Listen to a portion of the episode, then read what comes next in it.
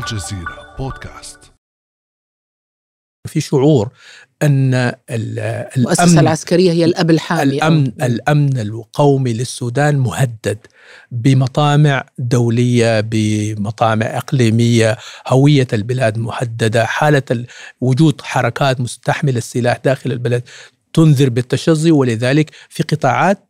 ترى أن ال- الضامن لوحدة السودان والحفاظ على مصالحه وجود المؤسسة العسكرية على- مهم. في هذه المرحلة الحساسة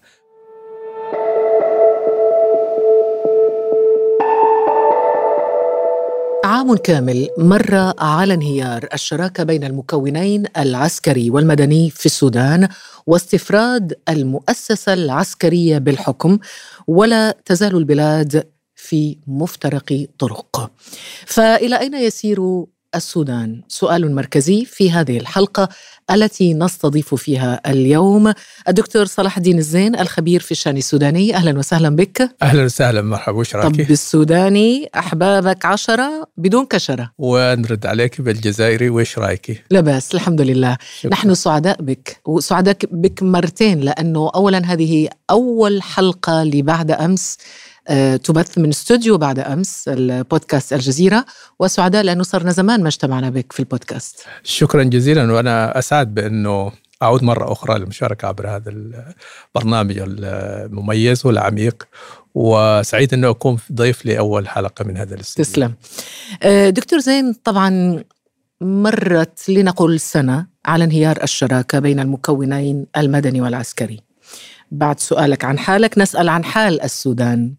كيف حال السودان الآن؟ آه، مرت سنة على فض الشراكة ولكن أيضا مرت تقريبا أربع سنوات على التغيير الذي وقع في أبريل 2019 نعم والسودان ما زال يراوح مكانه آه، الأوضاع الاقتصادية ازدادت تعقيدا والوضع السياسي آه، يبدو الأفق آه، يزداد قتامة فالسودان يعاني ويراوح مكانه. بعد أربع سنوات من التغيير الذي حدث في 2019 يعني الثورة في مهب الريح؟ ليس بالضرورة. بنعرف أنه الثورات في كثير من الدول العالم آه، تأخذ أوقاتا أطول لتحقيق آه، مبادئها وشعاراتها التي قامت من أجلها. وأعتقد السودان ليس بدعا في ذلك. آه، إذا اختصرنا الثورة في أنها فقط لإزالة من كانوا في الحكم فلربما يشعر البعض الآن بشيء من اليأس باعتبار أنه رموز النظام يعني كثيرين منهم بدأوا يعودوا للحياة العامة. ولكن إذا الثورة هي ضد الظلم والفساد والاستبداد فهذه مسيرة طويلة مهم. وما يزال الأمل قائما ويبدو أن العودة إلى طيب السابق ما زال ليس الأمل قائما ولكن هذا السودان المريض ما زال مريضا. ولو طلبت منك دكتور زين أنه آه يعني تخيل أنك طبيب وأمامك هذه الجثة أو هذا الجسم ونطلب منك أن تحدد لنا آه أن نستمزج معا مواطن الداء. ما هي مواطن المرض؟ ما هي أمراض السودان؟ وما هي أعراضها؟ هذا ذكرتني بعبارة قالها الرئيس السابق. البشير عندما أتى للحكم في 1989 قال وجدنا السودان كجنازة بحر. البحر عندنا النيل. عندما تخرج الجثة من النيل تكون متحللة بحيث أنك لا تستطيع أن تمسك طرف من أطراف لأن يكون جسم متحللة. هذا الوصف ربما ينطبق الآن مرة أخرى وبصورة أعمق وأشد. آه، المشكلة الأولى هي حالة الانقسام وهذا ليس كلامي أنا. حتى رئيس الوزراء السابق الدكتور عبد الله حمدوك في آخر آه، خطاباته. عندما استقال حدد أن الداء الذي واجهه هو حالة الانقسام بين مكونين. يا ريت لو تشرح لنا هذان المكونان. هو كان يتحدث أولا بحالة الانقسام بين في وسط المكون المدني. وحالة الانقسام وسط المكون العسكري وحالة, وحالة الانقسام بين المكونين. الخلاف بين المكونين. طيب لنبدأ بالانقسام بين المكونين العسكري والمدني ثم حالات الانقسام بالجمع بين أو في صفوف كل مكون. لنبدأ بالمكون العسكري والمدني. ال- العسكريين كيف وصلوا إلى السلطة؟ وصلوا إلى بقرار اللجنة الأمنية أيام الرئيس السابق عمر البشير بإزاحة عمر البشير والدخول في تفاوض مع المدنيين لتأسيس لمرحلة انتقالية. نعم. آه، تولهم فيها في ذلك الوقت رئاسة مجلس السيادة الانتقالي وأسندت الحكومة للمدنيين، ولكن طبعا لاحظنا أنه بعد ذلك المؤسسة العسكرية تمددت في كثير من الملفات التي كان يفترض أن يديرها المدنيون، تولوا ملف الاقتصاد، تولوا ملف العلاقات الخارجية، تولوا ملف إدارة حوار السلام مع الحركات المسلحه، فتدريجيا حتى قبل الانقلاب المكون العسكري آه، تقريبا توسع كثيرا في آه، في في في تحمل أو تولي مفاصل الدولة. نعم. آه، فهنالك وقعت المشاكل واحتكاكات بين المدنيين والعسكريين. نعرف أنه خلال فترة ما قبل انقلاب 25 أكتوبر 2021 آه، حالة الاحتقان التي أوصلت حتى مجلس السيادة الانتقالي تعطلت اجتماعاته لأنه آه، ممثلي المدنيين وممثلي العسكريين عجزوا أن يجلسوا حتى على طاولة واحدة كانت هنالك حساسيات نعم. تبادلوا آه، تراشقات بالتعابير التي اعتبرت مسيئة لهذا الطرف أو لذاك آه، ثم هنالك الاختلاف حول قضايا جوهرية يعني عندما مثلاً. أقدم, أقدم البرهان على آه، مقابلة نتنياهو في يوغندا في الزيارة المشهورة في فبراير مم. 2021 هذه أثارت ضجة كبيرة لأن المكون المدني يعتبر أنه أولا هذا من قضايا السياسة الخارجية وأن هذا الموضوع غير متفق عليه وأنهم ليسوا لم يكونوا على علم أن البرهان أقدم على خطوة آه، كانت تعتبر محل خلاف كبير جدا داخل المكون المدني. نعم. هنالك قضايا أخرى مثلا الطريقة التي أبرمت بها اتفاقية جوبا للسلام آه، المنهجية التي عقدها المكون العسكري. آه، الأشراف طبعا المدنيين جاءوا في الآخر. نحن يعني لا تبرئهم لأنه الدكتور عبد الله حمدوك بعض أعضاء حكومته بعض الممثلين القوى المدنية في مجلس السيادة كانوا هنالك. ولكن المكون العسكري هو كان اللاعب الاساسي يعني نظر لاتفاقية جوبا أن كأنها نوع من الصفقة بين الحركات الحاملة للسلاح والمكون العسكري وأن المدنيين لم يلعبوا دورا كبيرا في تشكيل هذا هذه الاتفاقية مما بعد ذلك ترتب على تعقيد الواقع السياسي في الداخل. فقضايا مثل هذه أوجدت آه، وعززت الانقسام بين المكونين. نعم. لكن دكتور صلاح الدين زين عندما نتحدث عن المكون العسكري هل نتحدث عن مكون عسكري؟ كتلة واحدة موحدة أم انه هناك أيضا انقسامات داخل المكون العسكري يعني البرهان وحميتي مثلا هم سمن على عسل الآن المكون العسكري آه، دائما نعني به القوات المسلحة السودانية المؤسسة العسكرية الرسمية في السودان نعم. وأيضا يضاف إلى ذلك قوات الدعم السريع والتي أنشئت في أواخر عهد الرئيس البشير وبعد ذلك اصبحت جزء من التشكيلة العسكرية يضاف إلى ذلك طبعا بعد اتفاق اتفاقية جوبا وجود الحركات المسلحة آه، بقواتها المسلحة. لكن المكونين الرئيسيين هم القوات المسلحة السودانية وقوات آه، الدعم السريع. الآن بين الفريق البرهان باعتباره قائد للجيش والفريق حميدتي باعتباره قائد لقوات الدعم السريع على المستوى الشخصي هنالك مصالح وتاريخ وعلاقات تجمعهما حتى لو تباينت لكن بين المؤسستين بمعنى مؤسسة الجيش السوداني ومؤسسة الدعم السريع هنالك حالة تباينات. نعرف أنه منذ أيام الرئيس السابق آه، عمر البشير يعني الدعم السريع حميدتي والقوات المسلحة البرهان, البرهان. نعم. كانت هنالك محاولات لدمج الدعم السريع في القوات المسلحة ولكن القوات المسلحة قاومت هذا لأن آه، يعني مسألة إدراج آلاف الأفراد برتب مختلفة لم يمروا عبر المؤسسة العسكرية كانت هذه تعتبر واحدة من العقبات.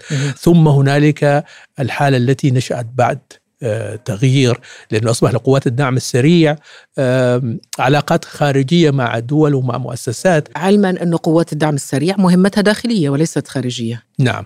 ولكن طبعا آه، الرئيس السابق عمر البشير دفع بقوات الدعم السريع للمشاركة في آه، حرب اليمن إلى جانب قوات التحالف العربي قيادة المملكة العربية السعودية.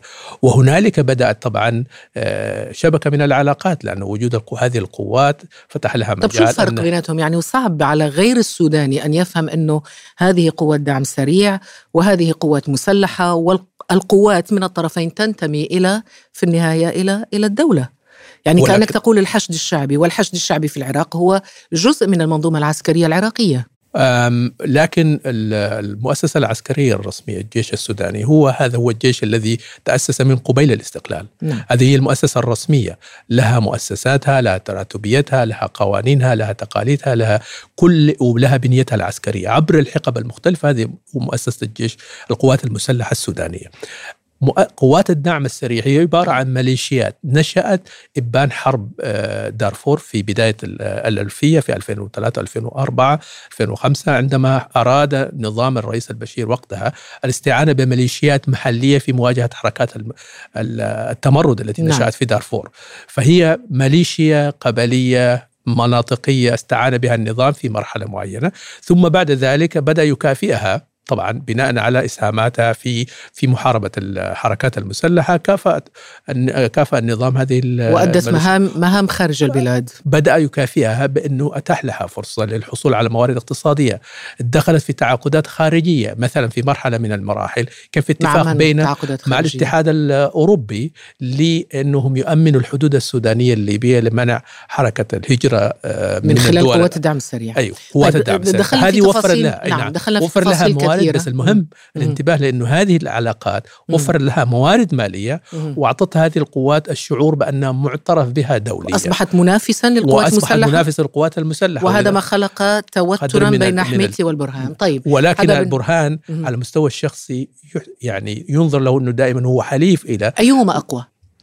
آه، بطبيعة الحال المؤسسة البرهان. العسكرية السودانية بتاريخها بقواتها بتسليحها نعم. بوضعيتها داخل البلد بمقبوليه اذا جناح البرهان أقوى هو الأقوى طبعا نعم. أكيد. طيب هذا بالنسبة للمكون العسكري لنمر الآن إلى المكون المدني و ما شاء الله يعني من الخلافات والانقسامات والتمزقات والتشتت و و الجبهة المدنية ليست موحدة وربما المكون العسكري يستفيد من تمزق المكون المدني أليس كذلك؟ المكون المدني آه، كان القطب الأساسي فيه بعد صاحب النظام البشير هو آه، آه، قوى الحرية والتغيير. نعم. باعتبار انه التجمع الذي شكل يعني منصة لكل المكونات المدنية التي شاركت في الثورة أو غالبيتها لأن في بعض المكونات التي شاركت في الثورة لم تقبل ضمن يعني كم فصيل الآن في المكون المدني؟ هو الآن المك... هذا القوى الحرية والتغيير تشظع إلى؟ يعني أصبح تقريبا إلى خمسة مكونات الآن. يعني اولا انقسم إلى آه، قطبين. عندنا مجموعة ما يسمى المجلس المركزي والمجموعة الوفاق الوطني. ثم بعد ذلك خرج من مجموعة المجلس المركزي آه، الحزب الشيوعي وتجمع المهنيين وأسسوا تحالفا مع آه، حركة الحركة الشعبية الشمال بقيادة عبد نعم. العزيز والبعث أيضا؟ ثم لاحقا خرج البعث لوحده. وأيضا خرجت مجموعة الجبهة الثورية اللي هي الحركات المسلحة التي كانت تحمل السلاح ووصل اتفاق فيجو فتمزق هذا الجسم. واليوم إذا نظرنا نجد أنه ما كان يسمى مكونا مدنيا أصبح أضعف بكثير مما, مما كان, عليه, كان عليه. ويجب أن لا ننسى أنه في المشهد السوداني أيضا في أطراف أقصيت في بداية الصفقة بين العسكريين والمدنيين في 2019 ولكنها لملمت جرحها طبعا تحت حجة أنها كانت جزء من نظام البشير وأنها كانت شريكة مع نظام البشير. هذه الأطراف الآن قويت وعادت إلى الساحة. فاليوم إحنا نتحدث عن تشظي في في في ظل حالة التشظي هذه من أقوى طرف في المكون المدني؟ قضية القوة هذه نسبية. يعني في أطراف ليس لها عمق شعبي ولكنها مسنودة بقوة إقليمية أو دولية. في أطراف لها عمق شعبي ولكنها أيضا محاربة أو آه، يعني مقصى من طرف القوى الدولية والإقليمية.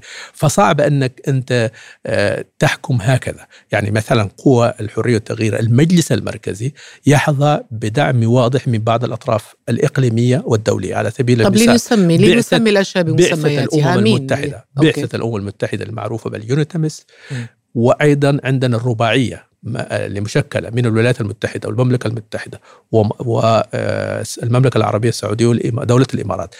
الرباعية زائد الأمم المتحدة واضح جدا ان تلقي بثقلها وراء المجلس المركزي. ولكن على المستوى الشعبي قوى الحرية التغيير المجلس المركزي ينظر إليه أنه ضعيف لأن في أغلب الأحزاب ذات الوزن خرجت عن هذا، مثلا. الحزب الشيوعي خرج من وقت سابق،. حزب الأمة بقي ولكنه منقسم في جزء من حزب الأمة خارج هذا المكون،.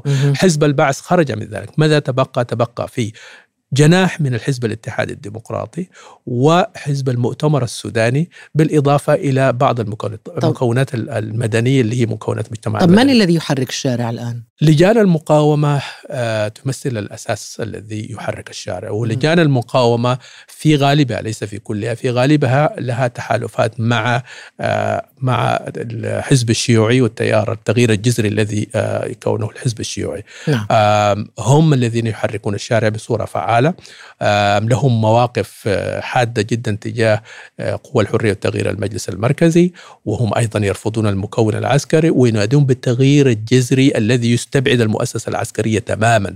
ويرون أن قوى لكن والتغيير تسعى لي- نعم. لصفقة ثنائية تعيدهم إلى السلطة. نعم لكن دكتور صلاح الدين زين ألا يبدو الأمر م- يعني بين قوسين منطقيا ومعقولا عندما يقول المكون العسكري تعالوا يا جماعة تفضلوا هاتوا رئيس وزراء من المكون المدني تفضلوا خذوا الحكم وليس هناك صوت واحد ليسوا كلهم على قلب رجل واحد. ألا يكون من حق المكون العسكري أن يقول السبب أنتم العيب فيكم أنتم؟ هو هذا الكلام ليس فقط من المكون العسكري. إذا راجعنا آه، البيانات والخطابات التي في آخر ستة شهور من حكومة الرئيس الوزراء السابق الدكتور عبد الله حمدوك كان يركز على هذه النقطة مهم. الدكتور عبد الله حمدوك في يونيو 2021 تحدث بصراحة أن حالة الانقسام داخل المكون المدني وغياب مشروع وطني متفق عليه هو المشكلة الأساسية ودعا في المشروع اللي كان يدعو له اللي هو قضية ال- اللي بسماها الأزمة الوطنية وقضايا الانتقال الطريق إلى الأمام ركز على هذه النقطة. وحتى في خطاب الاستقالة الدكتور عبد الله حمدوك أعاد التأكيد أنه آه، حالة التشظي هذه حالة دون الوصول إلى مشروع وطني يمكن أن يبنى عليه مسألة الانتقال. فهنا بنجد أنه ليس العسكريين وحدهم هم الذين يشيرون إلى حالة الانقسام والتشظي وإنما الشخص الذي كان اتفق عليه المدنيون أيضا يؤكدون على ذلك. حاليا ال- الواقع في الشارع السوداني هنالك تقريبا قناعة أنه لم, يتبل لم تتبلور كتلة مدنية لتتولى قيادة البلاد خلال فترة الانتقال. وكل الحوارات والوساطات التي تدور والمبادرات كلها ترمي للوصول إلى كتلة مدنية بمعنى أن مجموعة من القوى المدنية تتوافق على مشروع يمكن أن تؤسس عليه مرحلة الانتقال. وبدأ يتراجع الحديث حول مسألة الإنهاء الانقلاب آه، أو آه، آه، إبعاد العسكريين إلى حد كبير لأنه هنالك شعور أنه ماذا لو العسكريون مثلا في ذكرى 25 أكتوبر قالوا يا خلاص إحنا راضيين تعالوا استلموا السلطة. استلام السلطة تقتضي وجود كتلة مدنية عندها برنامج عندها تصور عندها قيادة آه، متوافق عليها لو مش من كل الشعب السوداني مستحيل ولكن على الأقل من الغالبية العظمى. آه، المنطق دائما يقول أنك أنت يا إما تأتي بتوافق أو نذهب إلى انتخابات. طبعا هنالك أيضا آراء حول قضية الانتخابات المبكرة في الحالة السودانية ما الاعتراض؟ ما هي التحفظات على هذا أكبر الموضوع؟ تحفظ أنه في بعض تحفظات ذات طبيعة فنية إدارية بمعنى أنك كيف تجري انتخابات وأنت لم تقم بإصلاح مؤسسي للقوانين وإجراء الإحصاء السكاني وإعادة تقسيم الدوائر وهذه الأمور الفنية م. الإدارية هذا تحفظ ولكن هناك تحفظ أكبر من ذلك وهو أنه في حالة التشظي الذي يعيشه السودان الانتخابات من المرجح أن تفرز نتيجة فيها حالة انقسام، كما نرى ذلك في كثير من الدول العربية، نرى ذلك في الحالة العراقية مثلا أو في الحالة الليبية اللبنانية أيضاً. أو في أو في الحالة الليبية، فأنت يعني إذا لم يحصل توافق. سياسي. إذا ذهبت إلى الانتخابات فقد تفرز الانتخابات. أيضا برلمانات منقسمة وتدخل أيضا في حالة آه، كما حدث في كما ليبيا بين في عدد من نعم. الدول. طيب آه، كل ال- يعني كل ما سبق شرحه كل ما شرحته لنا الآن ألا يبرر ما حدث يوم 25 أكتوبر؟ آه، فيما يتعلق بالخامس والعشرين من أكتوبر 2021 تحرك البرهان وإعلان آه، إنهاء الشراكة مع المكون المدني. كان له مقدمات. إلى جانب ما تحدث عنه رئيس الوزراء السابق بغياب المشروع الوطني وتعدد مراكز القرار وحالة الانقسام في المكون المدني. كان هنالك أيضا شعور أن آه، قوى الحرية والتغيير التي كانت تشكل الحكومة في ذلك الوقت آه، وقعت في خطأين استراتيجيين، الخطأ الأول أن تعمدت آه، عد تعمدت إرجاء استكمال مؤسسات الفترة الانتقالية.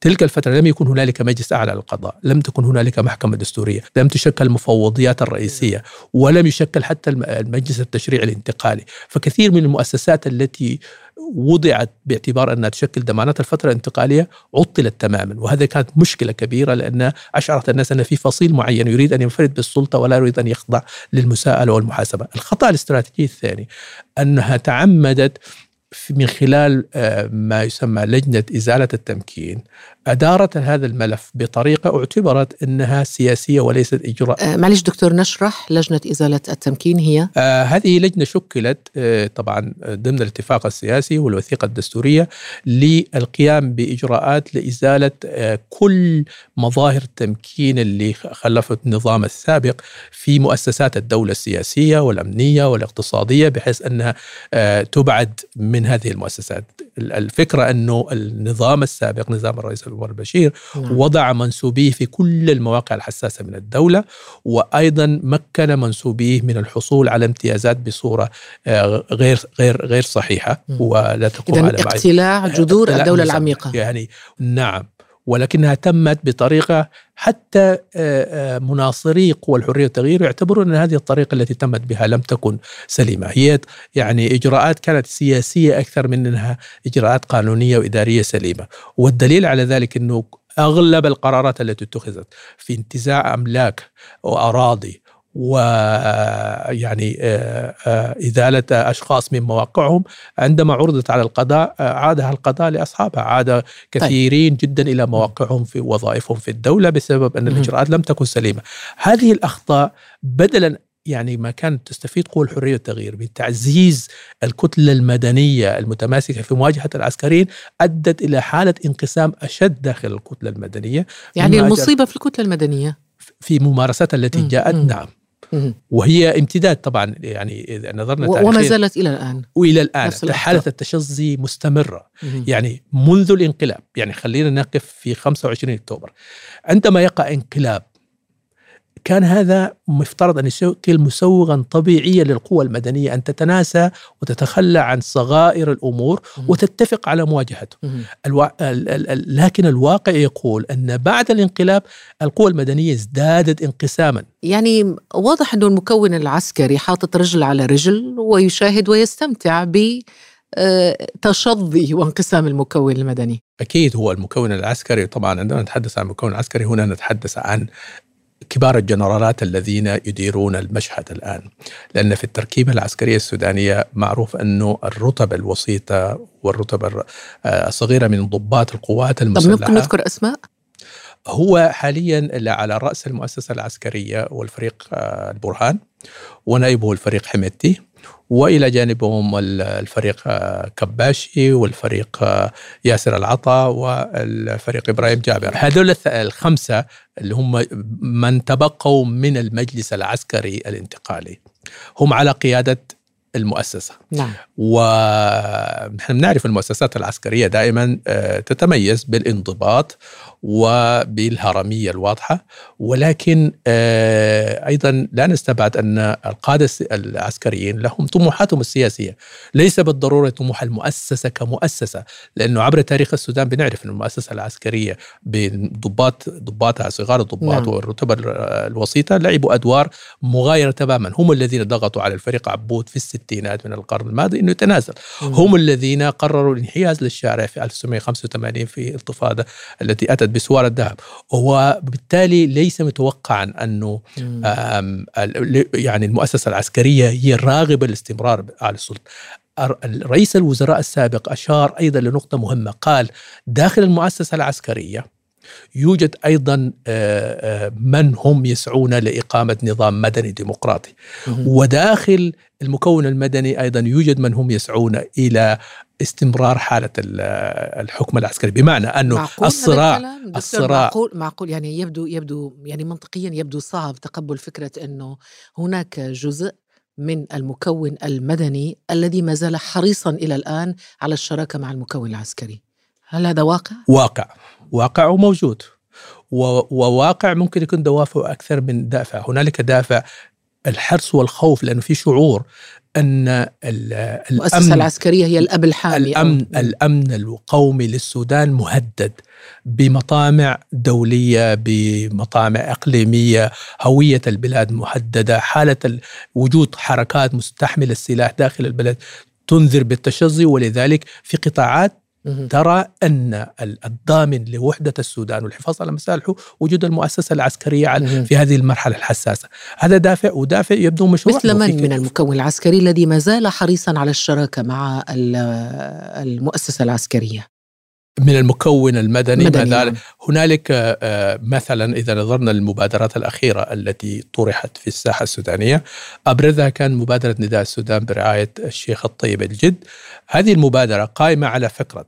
إعطاء القوات المسلحة دور رئيسي في الفترة الانتقالية ومسألة لا يوافقون على فكرة إبعاد القوات المسلحة آه تماما من المشهد السياسي بل نعم. يرون أن وجود القوات المسلحة يشكل ضمانة لوحدة حفاظ على وحدة وسيادة أراضي السودان في ظل المحددات الموجودة. ضمان حماية بالنسبة حماية. للبلد. ولكنهم في نفس الوقت طبعا يؤمنون بأنه لا بد تأتي فترة آه، للانتقال إلى حكم مدني عبر آلية الانتخابات ووقتها يمكن أن يكون القوات المسلحة تحت آه، قيادة مدنية منتخبة طيب لو عكسنا الآية نعم. دكتور نعم. وقلنا أنه في المكون العسكري هل هناك من هو حريص على وجود المكون المدني وإسناد دور مهم له في إدارة البلاد بتقديري أنه أستطيع أن أقول أن المؤسسة العسكرية الممثلة في الجيش السوداني بدرجة كبيرة يعمل على هذا كمؤسسة قادة المؤسسة العسكرية كبار الجنرالات شيء آخر لأنه كبار الجنرالات قد يكون لهم طموحاتهم الشخصية قد لهم ارتباطاتهم بالأجندة الإقليمية والدولية لكن المؤسسة كمؤسسة آه، ما عندي شك أنهم آه، مع انتقال الحكم إلى المدنيين عبر آلية الانتخاب. لماذا يركزون على آلية الانتخابات؟ لأنهم يرون أن هنالك قوة دولية الآن وإقليمية تسعى بقوة تحويل السلطة إلى مكونات مدنية ليست بالضرورة لها جذور شعبية ومقبولة شعبيا وربما تسعى لتنفيذ برامج آه، في السياسات طيب العامة في ذكر ذكرت دكتور الان مقبولة لدى نعم. ذكرت الآن آه، الدور الإقليمي والدولي. هل هناك مبادرات إقليمية أو دولية لفكفكة هذا الوضع أو حلحلة هذا الوضع؟ نعم هنالك عدة مبادرات. في آه، أولا الأمم المتحدة منذ أيام رئيس الوزراء السابق آه، أرسلت بعثة بقرار من مجلس الأمن آه، بعثة اليونتمت وهي بعثة مهمتها مفترض أنها تساعد في عملية الانتقال السياسي. وفي أواخر عهد الرئيس الوزراء قدمت مبادرة حوار حاولت أن توفق ما بين قوى الحرية والتغيير والمكون العسكري. نعم. ولكن لم تجد القبول. ويؤخذ على هذه البعثة أنها دائما تركز على مسألة الشراكة ما بين فصيل سياسي معين وهو القوى الحرية والتغيير المجلس المركزي مع المجلس العسكري وتقصي بقية المكونات هنالك أيضا ما يسمى بالرباعية الدولية وهي يعني الرباعية عبارة عن تجمع أربع دول آه، الولايات المتحدة والمملكة المتحدة والمملكة العربية السعودية والإمارات وهي فعالة جدا وهي لحد كبير أيضا الأمم المتحدة والسعودية والإمارات و لا الولايات المتحدة والأمريكية. والمملكة المتحدة. بريطانيا. بريطانيا أمريكا بريطانيا والسعودية والإمارات, والإمارات. هذه من أكثر المنصات الدولية آه، فعالية من ناحية الحركة لأن السفراء يتحركون. لكن لم تنجح أي مبادرة إلى الآن طبعا كل المؤشرات تقول أنها تدفع باتجاه صفقة وتسوية. قد تعلن عنها آه، في وقت قريب آه، ولكن مشكلة ما ملامح هذه ملامحها تقوم أيضا على فكرة إحياء الشراكة بين العسكريين المجلس العسكري بقايا المجلس العسكري الموجود مع المكون المدني ممثلا في قوى الحرية والتغيير المجلس المركزي م. ربما تضاف له يعني حزب أو حزبين نعم. آخرين و وتكوين حاضنة سياسية لحكومة آه، مستقبلية م. لكن هذا هذا التوجه يواجه بمشكلة أنه في معارضة معارضه قوية من القوى السياسية الأخرى حتى التي كانت جزء من قوى الحرية والتغيير. يعني المواقف الحزب الشيوعي حزب البعث بالإضافة لأحزاب اللي آه، انضمت تحت آه، مظلة نداء السودان. ثم هنالك لكن لكن أيضا الإسلاميون خرجوا من اللعبة آه تماما؟ سناتي للاسلاميين في مبادرة إقليمية قوه إقليمية مهمة الممثله في الاتحاد الأفريقي ومنظمة الإيجاد. الاتحاد الأفريقي ومنظمة الإيجاد يميلون إلى البحث عن حل شامل يجمع الفاعلين السياسيين ككل أو غالبهم دون إقصاء؟ نعم. وهذه نقطة تقاطع بينهم وبين الرباعية مثلا. ايجاد والاتحاد الإفريقي. إيقاد والاتحاد الإفريقي. نعم. بالنسبة للتيار الإسلامي. خرجوا من اللعبة؟ ليس بعد بل بالعكس. التيار الإسلامي بدأ يعود. ليس بالضرورة للمشاركة الفاعلة في العملية المشهد السياسي نعم. ولكن بداوا يعودوا للساحة السياسية. نذكر أن السنة الأولى السنتين الأولى بعد الإطاحة بالبشير كان التيار الإسلامي تحت ضغط هائل من الحكومة التي تشكلت. في. ذلك الوقت من الشارع السوداني اللي ثائر ضد نظام حكم البشير من القوى الدولية والإقليمية. ولكن بمرور الوقت وبالأخطاء القاتلة التي وقعت فيها قوى الحرية التغيير خلال سنتي الحكم ومن خلال آه، آه، يعني آه، هم أنفسهم بدوا يتحركوا بدأت تعود حركتهم للساحة. يعني مثلا في منصة تشكلت اسمها التيار الإسلامي العريض أصبح يقيم أنشطته و لكن استفادوا من أخطائهم؟ استف... هو طبعا في حركة مراجعة داخل التيار الإسلامي نفسه. في نعم. يعني بدأت تظهر آه، أنشطة كثيرة وكتب تصدر ومقالات وغيرها تنم عن آه، حاجات مراجعة للسياسات والمواقف والتركيبات. لكن التيار الإسلامي ليس موحدا إلى الآن. التيار الإسلامي مقسم على عدة أحزاب وتكوينات سياسية. هنالك المؤتمر الشعبي مثلا. هنالك المؤتمر الوطني الذي كان يحكم. هنالك تيارات انقسمت عن المؤتمر الوطني في في مراحل سابقة مثل حركة الإصلاح الآن ومجموعه لكن أخرى. تأثيرهم في المعادلة السياسية هم إلى الآن موجودون. آه في موجودون شعور كديكور؟ موجود موجودون كديكور سياسي كمؤثر. ولا؟ يعني كثير من الناس يشير باستمرار أن آه، حركة البرهان مثلا يعتبروا أن هنالك قدر من التنسيق ما بين البرهان وما بين جزء معين من هذا من هذا التيار خصوصا التيار في حركة التيار الاسلامي مثلا في الحركة الإسلامية التي يقودها آه، علي كرتي وزير الخارجية نعم. الأسبق أيام البشير. ولكن في حالة من الانقسام داخل جسم التيار الإسلامي وفي شعور لدى البعض أنه ليس بالضرورة استعجال للعودة للحكم بقدر ما محاولة الحفاظ على حقوقهم كمواطنين. وكمساهمين في في في الساحة السياسية دون لكن لكن لكن في وزن؟ لهم وزن؟ لهم وزن. طيب. لماذا؟ لأنه هم تاريخيا آه عندهم القدرة على التنظيم وانتشار الواسع عبر لأن السودان في كثير من التركيز على العمل السياسي في الخرطوم فقط ولكن التيار الإسلامي يتميز بأنه عنده انتشار بالانتشار. في كل أقاليم وفيا في السودان. آه وهذا يعطي وزن آه إضافي أنه الحزب الوحيد اللي ربما قادر أنه يصل لكل أطراف السودان أو التيار الوحيد هو التيار الإسلامي. السؤال هو أنه في ظل هذه الأوضاع الإقليمية والدولية عودة الإسلاميين للحكم يبدو أنها مستبعدة في الوقت الحالي، لماذا؟ لأن اولا هناك سؤال ما هي المراجعات التي يقومون بأنفسهم تجاه تجربتهم. ثانيا هل هنالك احتمالات لأي حليف إقليمي أو دولي في ظل أوضاع السودان الاقتصادية المعقدة جدا؟ طب السودان اقتصاديا السودان اقتصاديا وضعه كيف؟ يعني؟ الوضع الاقتصادي سيء جدا جدا، الاوضاع الاقتصادية بمؤشراتها الكلية سواء كان بالتضخم يعني كان أحسن أيام عمر حسن البشير؟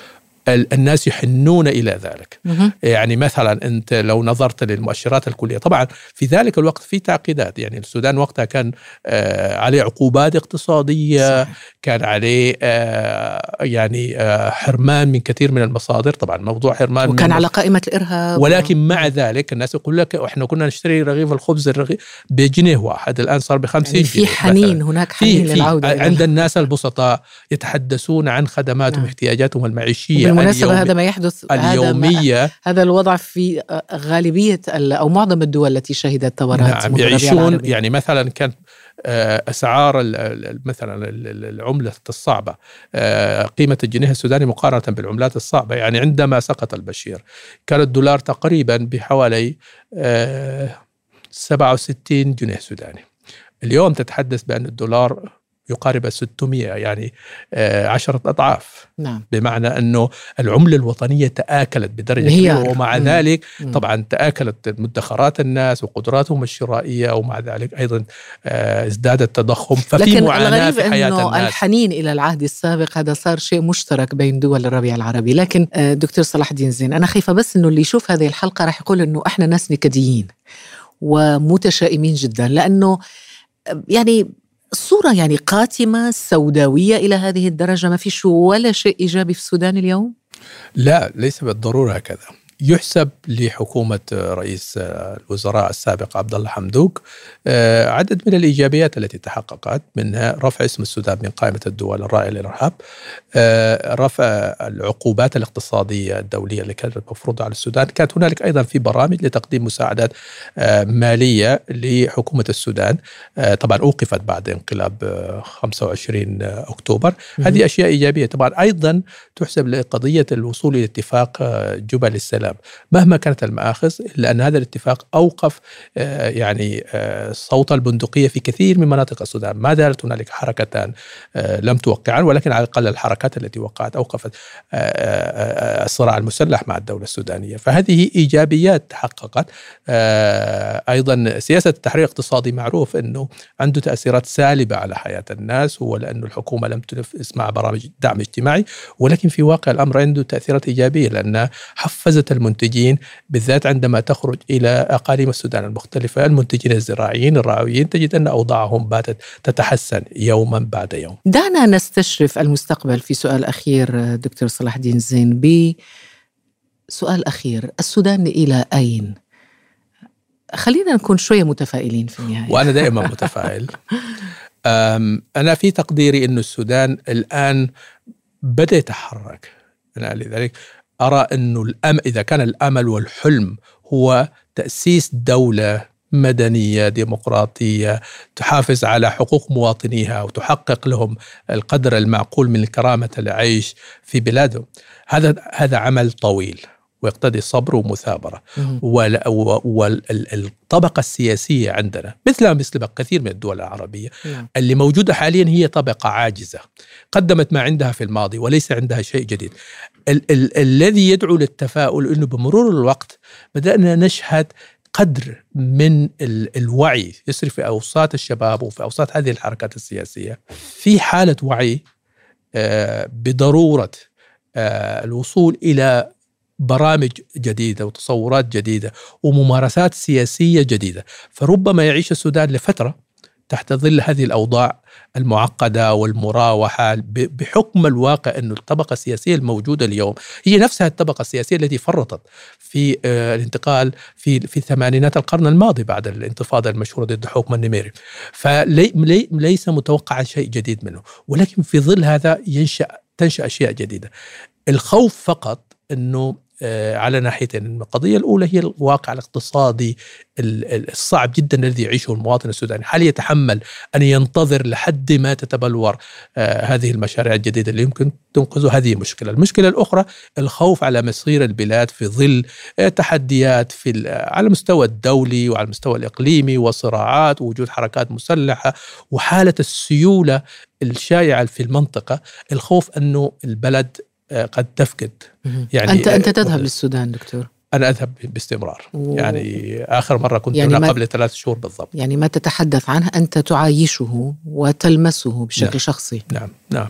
وحس أنه إنه الآن الحالة في وسط البلاد في العاصمة تبدو معقدة أكثر من الأقاليم، أنت عندما تذهب إلى الأقاليم أنا زرت على الأقل في يونيو الماضي كنت في منطقتنا في دارفور وكنت قبلها أيضا في في شهر ديسمبر من العام الماضي، أحس إنه عندما تخرج خارج العاصمة الأوضاع تبدو أفضل نسبيا، ليس لأن الأقاليم صارت أفضل ولكن لأن العاصمة تدهورت بشكل آه، غير مسبوق. يعني حياة الناس والخدمات اليومية العربية المواصلات. وما زال الشارع ينتفض أيام الجمعة؟ أقل بكثير أقل بكثير لأن آه، هو قضية الانتفاض والاحتجاج هو رفض لأشياء غير مقبولة ولكن الناس بدأوا ينتبهوا أيضا ما هو الشيء الذي نريد أن نحققه وانه خصوصا أنه بعد ثلاث سنوات وما يزيد الطبقة السياسية أثبتت أنها فاشلة في أنها تقدم شيء يمكن للشارع أن يشكل بارقة أمل أنه إحنا إذا استمرينا بالتضحية بالمظاهرات والاحتجاجات فإننا سنصل لشيء يكون أفضل بل بالعكس أختطف كلمة بارقة أمل أي. ننهي بها. آه هذه الحلقة من بعد أمس حول السودان والوضع في السودان. طبعا بمناسبة مرور سنة على آه 25 أكتوبر وهو تاريخ انهيار الشراكة بين المكون المدني والمكون العسكري في السودان. شكرا جزيلا لك دكتور. شكرا على الاستضافة. وأنا أسعد أكثر دائما. وبهذا نأتي إلى ختام هذه الحلقة من بودكاست الجزيرة بعد أمس. لكم منا أطيب المنى وإلى اللقاء.